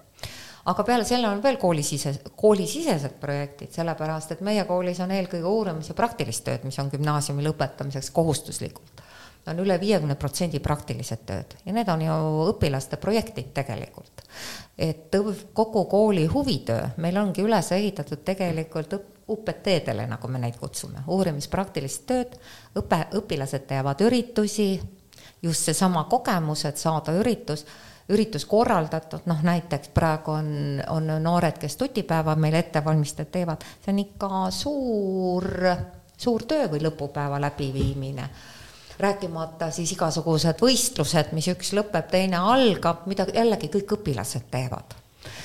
ja see, see on väga hea oskus, pluss see siis, mida veel moodulid kirjutavad projekte, ütleme noh, KIK-ile nüüd enam gümnaasium, KIK ei taha anda eriti gümnaasiumile raha, aga aga, on Tervise Arengu Instituut, siis on PRIA, need noh, välised rahastajad on ka. rahastajad sinna juurde, noh näiteks praegu meil tuleb Petersoni filmifestival, eks ju, käib õigemini ja gala tuleb kolmkümmend märts. Siis samamoodi selle raha otsimine erinevatest projektidest, asjadest, et sinna saada ja veel sellised projektid, mis siis on meil näiteks moodulis ettevõtlikkus, kus on kogukonnaprojektid, vot seesama äh, kogukonna heaks töö tegemine, olemine, et eks see tänapäeval see õppimine ongi äh, ka läinud natukene projektipõhiseks. Sest kui ma jäin siin praegu just mõtlema, kui Toomas enne rääkis, et välisprojektid, et on kindel algus ja lõpp, siis kui me võtame kogu gümnaasiumis õppimist, siis meil on ju viis seitsmenädalast perioodi. Ka õppimine on läinud nagu projektipõhiseks, sellepärast et seitsme nädalaga võetakse see aine läbi, tehakse seal mingid hindamised ja asjad. Ja kui siin veel täienduseks enne öelda, et kogu õppekavast ja kuhu me liigume, siis meie oleme nüüd mitmendat aastat just seda teed püüdnud minna, et et kõigepealt äh, oleme alustanud, et õpetaja eesmärgistab oma kursuse ära ja õpetaja eesmärgistab ka sellised ära, millised on need tulemusnäitajad, mille järgi pannakse välja hinne ja millised on need asjad, mis on siis õpilasel vaja sooritada, milli-, noh, ütleme hindamise tingimused siis hästi-hästi lihtsalt öelduna. ja et hindamise tingimuste puhul, et millist pädevust need asjad siis hindavad, mitte ainult, et noh, ütleme Jüri ülestõusu, kas ma nüüd tean aastat põhjust ja tagajärge, vaid mida, mida ma edasi oskan teha sellega, mida ma analüüsida oskan või millises kirjandusteoses seda on. ja edasi me tahame seda ka õpilaste peale järjest rohkem minna, sellepärast et nii nagu tänapäeva närviteadus ja õppimine ütleb ju, et kui kui noor täiskasvanu, kes gümnaasiumi tuleb, kui tal ei ole selge, milleks tal seda vaja läheb, siis ta seda ei tee ja ei tahagi teha. sest meie näeme ka hästi palju gümnaasiumis seda, et me ütleme noorele inimesele, kuule, et sa oled nii tubli, sul on matemaatikavõimekus, et miks sul matemaatika kolm on? ja täiesti rahulikult ta vaatab otsa, ütleb, et aga mul ei lähe seda vaja, mind see ei huvita, ma tegelen muude asjadega teadlikud valikud, mida ta tahab teha, mida ta ei taha teha seda nimetatakse õppimise optimeerimiseks. just tahtsingi öelda. eks me isegi omal ajal optimeerisime aeg-ajalt õppetegevust. eks sa tänapäeval juhtumist ka mõistes. et äh, noh, kas tõesti on kõike seda vaja, kas kõik see peab olema perfektselt omandatud? mina väidan, et küll mitte. et kui ikkagi inimene on andekas ühel elualal kas siis on vaja, et tema käest me nõuame, et ta oleks kõikides teistes eluvaldkondades ka kõva tegija? sugugi mitte. mõned tulevad sellega toime, et nad on, ongi kõikides ainetes väga tublid, aga, aga mõnele hakkab see ka kindlasti käib üle jõu. mõttes üle jõu käima, et, et ongi, ta käib meil kõikidel olümpiaadidel ja, ja, ja võib-olla ei peaks. aga kui me võtame kogu maailma arengut, et kes viib teadust edasi, kes avastusi teevad, siis on need inimesed, kellel on üks andekus väga kõrge. ja nüüd tegelikult on see hästi tõsine väärtuste küsimus, võime ütelda. Toomas Alva Edison oli koolis äh, selline, kes jäi istuma pidevalt ja, ja noh, tal polnudki õiget haridust. noh, eks me näeme ka neid oma kooli vilistlaste ja. pealt, et äh, võib-olla ta ühte ainet teadis ja teisi ja. väga mitte ja siis ongi, et, et tegelikult on. võib-olla see spetsialiseerumine ongi tänapäeval Just. nagu juba noh, varem oli kõrgkooli spetsialiseerumine, ehm, siis võib-olla see nüüd hakkab juba vaikselt allapoole gümnaasiumisse jõudma, sest nii on, et kõrgkoolist asjad jõuavad gümnaasiumisse, gümnaasiumisse, gümnaasiumist põhikooli, et. Ehm, aga kas see pole mitte, mitte tänu nendele valikainetele võib-olla, et me Kindlasti. avastamegi varem selle noore andekuse? Äh, ma arvan, et see ei ole mitte ainult valikained, äh, sellepärast et see algab, mida noh, jällegi minu, minu nägemus on see, et ähm, see nägemus toetub sellele, et need viimased üheksa aastat ma olen siin kabinetis istunud ja hästi palju sisseastumisvestlusi läbi teinud. ma olen väga paljude noortega rääkinud ja näinud. mida ma näen, ma näen seda, et kui pere on taga kui pere on see, kes on viinud erinevatesse ringidesse, andnud võimaluse proovida, on viinud samamoodi välismaale, on käidud perega ringi, on käidud Eestis ringi, siis sellel noorel inimesel on juba neid valikuid ilma kooli abita antud suhteliselt palju. ja siit tuleb ka see, et on juba tunda ka tema võimeid rohkem, sellepärast et vanem vaatab, et okei okay,, iluvõimlemisest, noh, sa ikka ei paki ennast kokku, et tõenäoliselt siin sul ei saa midagi, paneme sind nüüd tennisesse. noh, mis eeldab seda, et vanemaid huvitab oma laps, temaga tegeletakse, äh, pannakse sinna ka finantsi juurde ja seda on tunda. seda on tunda vestlustel ta on suurema silmaringiga, ta teab, millest ta räägib, ta teab erinevaid asju maailmast, koos on vaadatud, mitte istutud ainult õhtusöögilauas, vaid isegi võib-olla vaadatud valimisi, võib-olla isegi valimistulemusi, on kommenteeritud neid ja tal on tekkinud mingisugune teadmine. ja siis on teised lapsed, kelle puhul on lugu niiviisi, et ta kodus noh, suhtlevad aeg-ajalt, igaüks tuleb siis, kui tuleb, sööb, äh, isa on kuskil välismaal, töötab, ema töötab siin kogu aeg, äh, ei ole nad suurt käinud, vot nende puhul tuleb juurde siis kool, vot needsamad huviringid, oma valikud, oma võimalused ja sealt, aga, aga tõesti jah, kümnendasse klassi nad üldjuhul tulevad ja sa näed, mis seal taga on. Ja tihtipeale kümnendas klassis mina tahaksin kümnes, üksteist klass, vanematelt võtta kinni ja raputada neid ja öelda, et aga noh, teie olete need, kes peavad selle noore inimesega tegutsema, toetama, annama, anda talle valikuid, mitte võtma, et ta on noor täiskasvanu ja ta oskab ja teab kõike ise. et ma tahan väga rõhutada siin seda kodu tähtsust ja mul on noh, imeline vaadata neid peresid, kes tõesti on panustanud oma aega, ma ei ütlegi niivõrd palju raha, sest tihtipeale siin oli jah juttu, et ei ole võimalusi, aja võimalus on olemas, on loetud lapsele, on räägitud, on käidud koos. Ja see annab talle konkurentsieelise ma usun, et Toomas ja Peeter raputaks neid vanemaid oluliselt varem. ei, mina tulen ikka oma metafoori juurde tagasi, mida ma olen aastakümneid kasutanud, et kui me tahame, et plank saaks värvitud, siis teie ühelt poolt ja meie teiselt -hmm. poolt.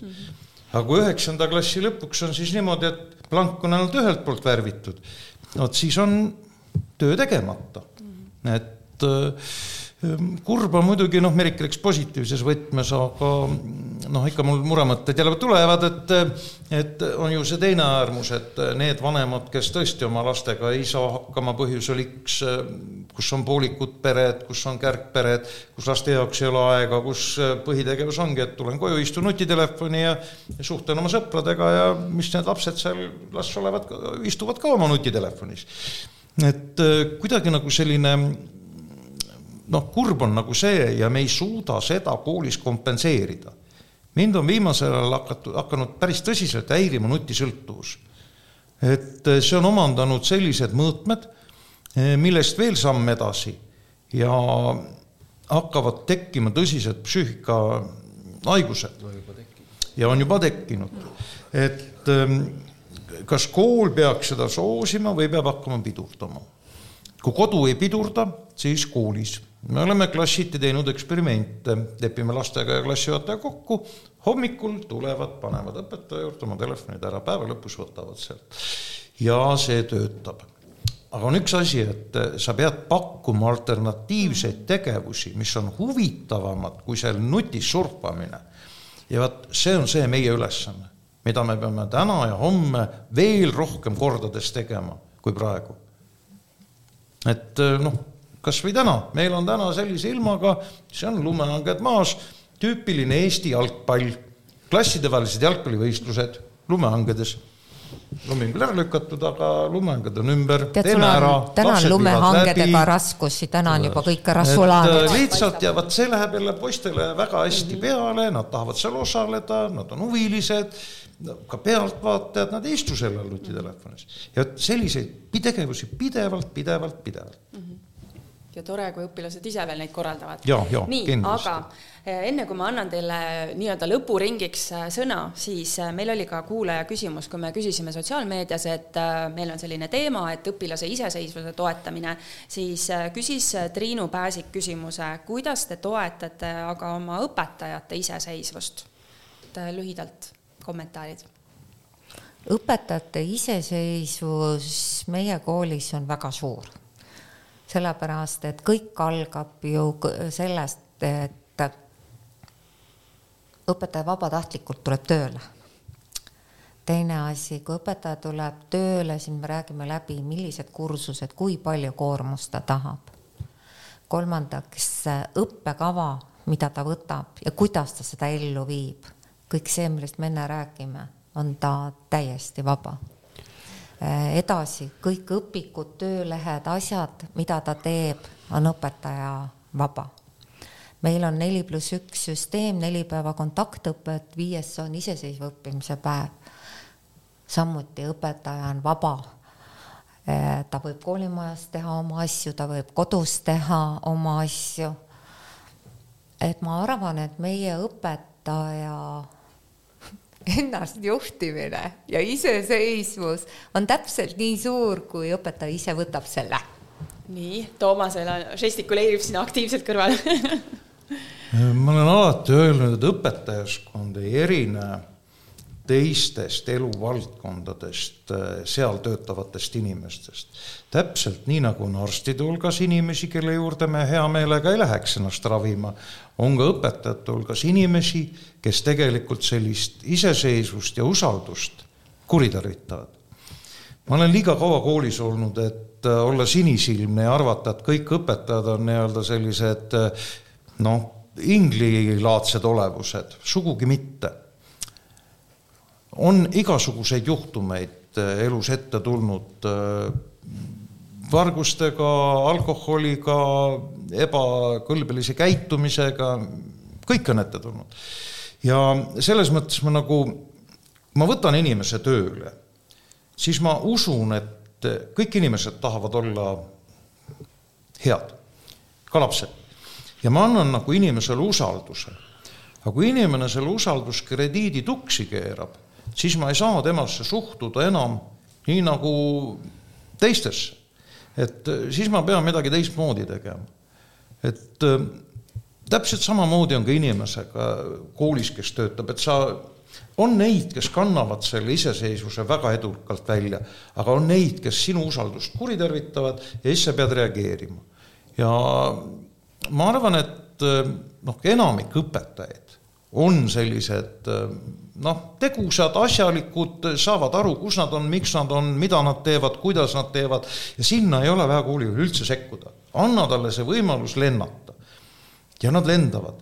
aga vot siis, kui need mm, kipuvad nagu sealt valel kursil lendama, siis äh, peab juhina sekkuma ja siis räägidki tõsiselt, et äh, probleem on, minul on probleem, ma tahaks otsida koos sinuga sellele lahendust, kuidas me edasi liigume ja kui seda ei ole võimalik mingisuguste kokkulepetega lahendada, siis üks kahest peab ära minema. ma arvan, et sina, eks ju. jah jah, ma, mina oleks selle Merikese paadis rohkem, et, et ja meie koolis on ka õpetajatel ikka päris suur autonoomia ja on õigus siis äh, täpselt samamoodi valida omale õpikuid, valida töö, töövihikuid valida. ja, ja valida, kas on ka õpetajaid, kes meie ei ole läinud üle nendele pikkadele tundidele, mida siin osad koolid on teinud, aga õpetaja, kui tema on soovinud, et pange, noh, andke mulle, et ma kaks paaris tundi järjest, paarist tund, palun, loomulikult, kui õpetaja ise seda soovib ja, ja siis me oleme seda kõike teinud. muidugi leidub ka alati õpetajaid, kes tahaksid, et juhtkond peaks kuidagi sekkuma, nende tööd paremini reguleerima, nende kuidagi midagi tegema seal. et noh, tihtipeale ma ei ole küll aru saanud, et mis ma siis nagu peaks tegema. kuidas sa, Mets, kujutad ette seda, et eh, noh, haigla ülemarst läheb oma südamekirurgide tööd kontrollima kuulge, see on nonsenss. mina ise ka ei kujuta ette, aga mõned õpetajad. meie ei ole ju ühegi aine nagu sellised tippspetsialistid, et mida oskan mina kontrollida oma emakeeleõpetaja antavates tundides seal, ma ei ole selle aine spetsialist. see asi saab baseeruda ikkagi ainult usaldusel no,. ja noh, eeldusel, et inimesed on head. et noh peab uskuma inimestesse. minul oli eile suur üllatus, kui mina sain teada, et sõna gala võib eesti keeles ka kahe A-ga kirjutada, nii et noh, nii palju siis see on tippklassi spetsialistist, eks ju, et eesti keele seadused, reeglid on nii palju muutunud. emakeel on ajas muutlik ja paindlik. väga paindlik. no ma saan aru jah, et väga muutlik. et tegelikult kõik see, mis me siin ütlesime kokku, ongi ju see, et paindlikkus. ja kõik. koostöö. jah ütleme, need on need teadmised, oskused ühelt poolt, mis peaksid ühel tippspetsialistil olema. õpetaja on tippspetsialist, siin ma sammu tagasi ei astu. õpetaja peab olema tippspetsialist oma valdkonnas. teine asi on usaldus, usalda inimesi. ja kui sa näed, et see usaldus ei tööta, siis noh. siis tuleb leida lahendusi. siis tuleb lahendusi leida, et noh, Eesti kooli heaks teevad, kes head õpetajad. head õpetajad uh. -huh. ja Eesti kooli nagu halvaks teevad, kes? halvad õpetajad. et ähm, ja ka aine, mis teeb aine omandamise lihtsaks? hea õpetaja. kes teeb aine omandamise raskeks? kehv õpetaja. et noh, need on pragmaatilised sellised asjad, mis on ajast aega niimoodi kulgenud ja koolijuhi ülesanne on leida. meeldi võib-olla, kui niiviisi otse öeldakse, et me tahaks ikka, et õpetajat tuleb silitada kogu aeg. aga ei, õpetaja suhtes tuleb olla otseselt aus. ja koolijuhi ülesanne on leida need head õpetajad. jah. mis iga aastaga muutub üha raskemaks. peaaegu et võimatuks, ma tahtsin ja, öelda mõnedes ainetes. tahavad häid õpetajaid. ja neid õpetajaid ei tule üldse peaaegu et peale, nüüd ma ei räägi headest, vaid kui me võtame matemaatikaõpetajaid näiteks gümnaasiumile või ma eesti keele õpetajaid gümnaasiumile, siis neid praktiliselt ei ole. on hariduse, Eesti hariduse jätkusuutlikkus, õpetajaskonna, kui me vaatame statistikat, õpetajask-, vananev õpetajaskond, seal on ju selgelt näha, et see on kaldu ja no andke andeks, ma ei pea normaalseks seda, kui inimesed, kes on ikka seal aastakümneid juba üle pensionipõlve töötavad. töötavad ja sageli oma tervise arvel, sest ei ole võtta kuskilt paremat. kindlasti on see väga individuaalne, et noh, ka minul on pensionieas õpetajaid ja noh, alati iga aasta nad küsivad, et kas ma pean nüüd ära minema.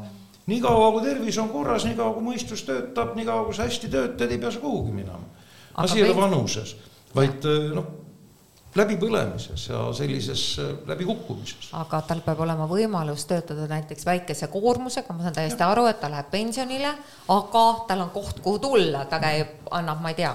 aga see ei ole jätkusuutlik Just. asi, et kui meil ei tule alt peale ja kui meil siin äh, mõned aastad tagasi ka loodusaineõppe õpetajaid, mitme, need olid mitme aine looduskallaku õpetajad, sinna ei tulnud ühtegi konkursil ühtegi inimest kandideerima, et kuulge, see on nonsenss ju mingi järelkasvu ei kasvata.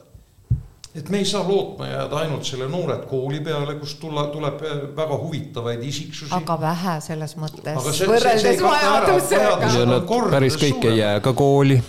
jah, kindlasti on neid, kes pettuvad koolist, tulid õpetajaks õppima, aga siis mingil ajal said aru, et see ei ole minu asi. ma ei taha seda edasi teha. et noh, me peame nägema seda ja ka koolis, et eh, kui nad tulevad kooli, et nad siia ka püsima jääks, et sa pead ikkagi vaatama, et suudad neile tuge pakkuda. et, et, et see värk hakkaks meeldima või nagu meile siin on hakanud, et ega me muidu nii kaua ei oleks koolis no ma pistan siia vahele ühe mõtte, mis mul kohe tuleb nii-öelda lahendusena, et eh, ikka peaks jagama lahendusi ka ja häid näiteid, et et äh, minu lapsed käivad äh, või ütleme, üks laps käib siis äh, Belgias Ameerika koolis ja neil on karjääriõpetuses on selline suund, kus ühe semestri jooksul nad peavad tegema nii-öelda vabatahtlikku tööd.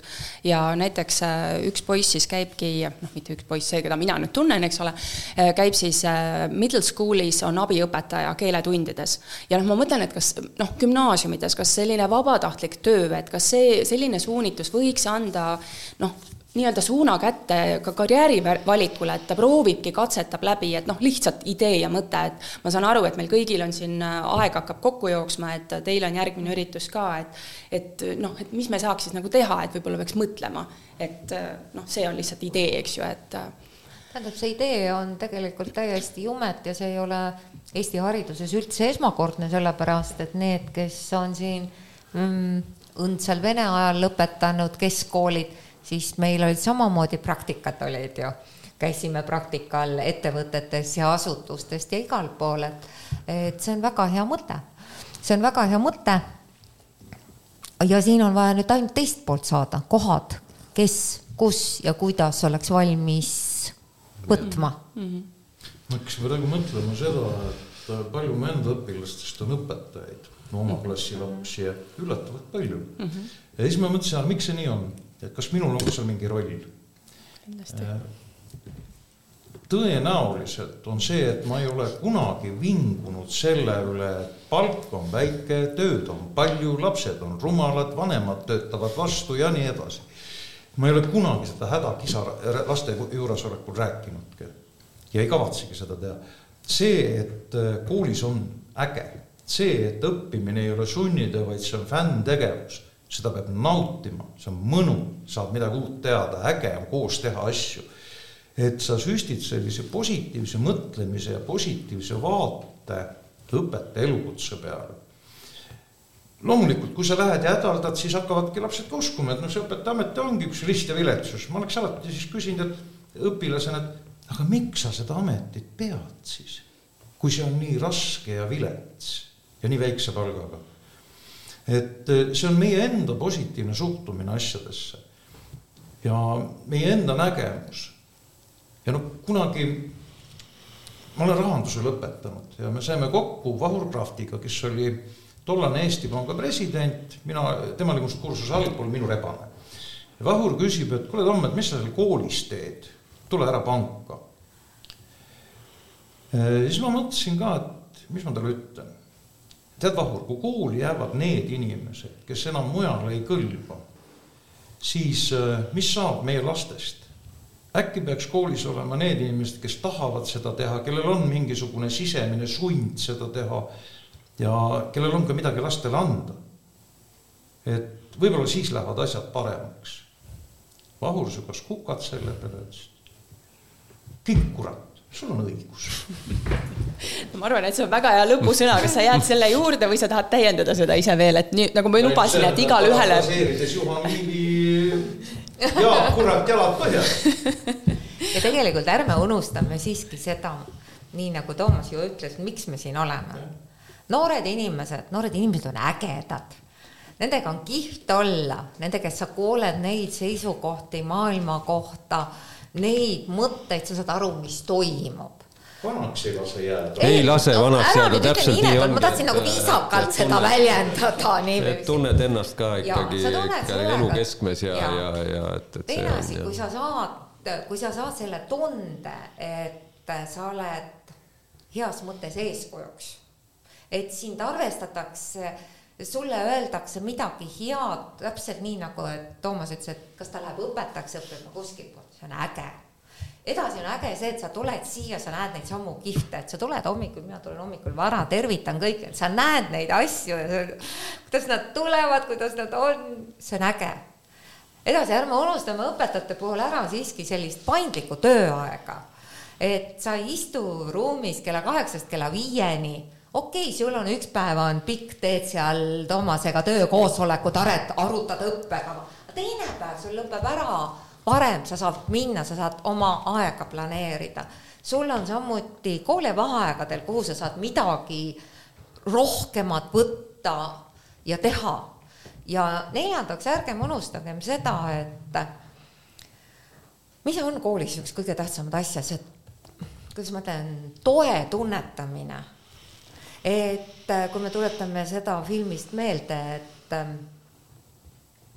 Öelge nüüd, mis film see oli, kus ta viskas pikali ja käte peal kanti teda edasi? viimane tants, ei. ei tule teile kellelgi meelde, minul on kohe silm ees. ühesõnaga, et kui sa kukud mm, -hmm. siis sa ei kuku maha, vaid sul on ümberringi võrgustik, kes sind toetab, kes sind aitab, kelle juurde sa saad alati minna. ma ei pea silma ainult õpetajaid, vaid needsamad õpilased, lapsevanemad ja, ja vot see on see, mis paneb silma särama ja paneb hoidma koolis ja miks me ka tõenäoliselt siin oleme. et kui sa üle-üle vaatad tagasi oma käidud teele ja kui sa oled suutnud mõnele lootusetule juhtumile panna jalad alla ja sa näed, et ta tuleb sul siin paarkümmend aastat hiljem tänava peal vastu, ta saab oma eluga hakkama, ta tahab sinuga suhelda no, no mida enam. see ongi, see ongi see, see, see ongi see, mis, mis annab seda jõudu, et, et meile kõigile, nii õpetajatele kui direktoritele, nii et, et.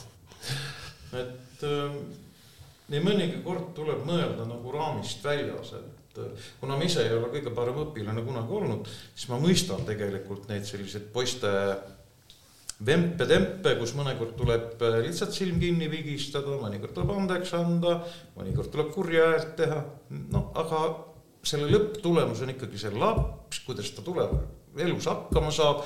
et ta tunneks ennast hästi, summa summarum lõpuks. ta on rahul, tuleb kooli kokkutulekul, tahab sinuga hirmsasti rääkida, kui hästi tal läheb oi kui hea, oi kui hea. ma kirjutasin terve peaaegu A, A5 lehekülje mingeid märksõnu, et mis ma, mis ma kõik võiks teie käest küsida, aga teeme niimoodi, et seekord põimime otsad kokku ja ma tõesti väga tänan teid äh, väga toreda vestluse eest ja nende heade näidete eest, mida te jagasite, et äh, väga hästi, et äh, parim hinnang. Aitäh teile ja kiida rolli siis, roll rabab hea kuulaja, loodame, et said tänasest saatest häid mõtteid ja uut inspiratsiooni. mis väärivad laikimist, kommenteerimist ning hea kolleegiga jagamist. toeta taskuhäälingut Õpime koos ning ole hariduse häälekandjaks. vaata meie kodulehte www.opimekoos.ee ning leia meid ka Instagramist ja Facebookist. õpime koos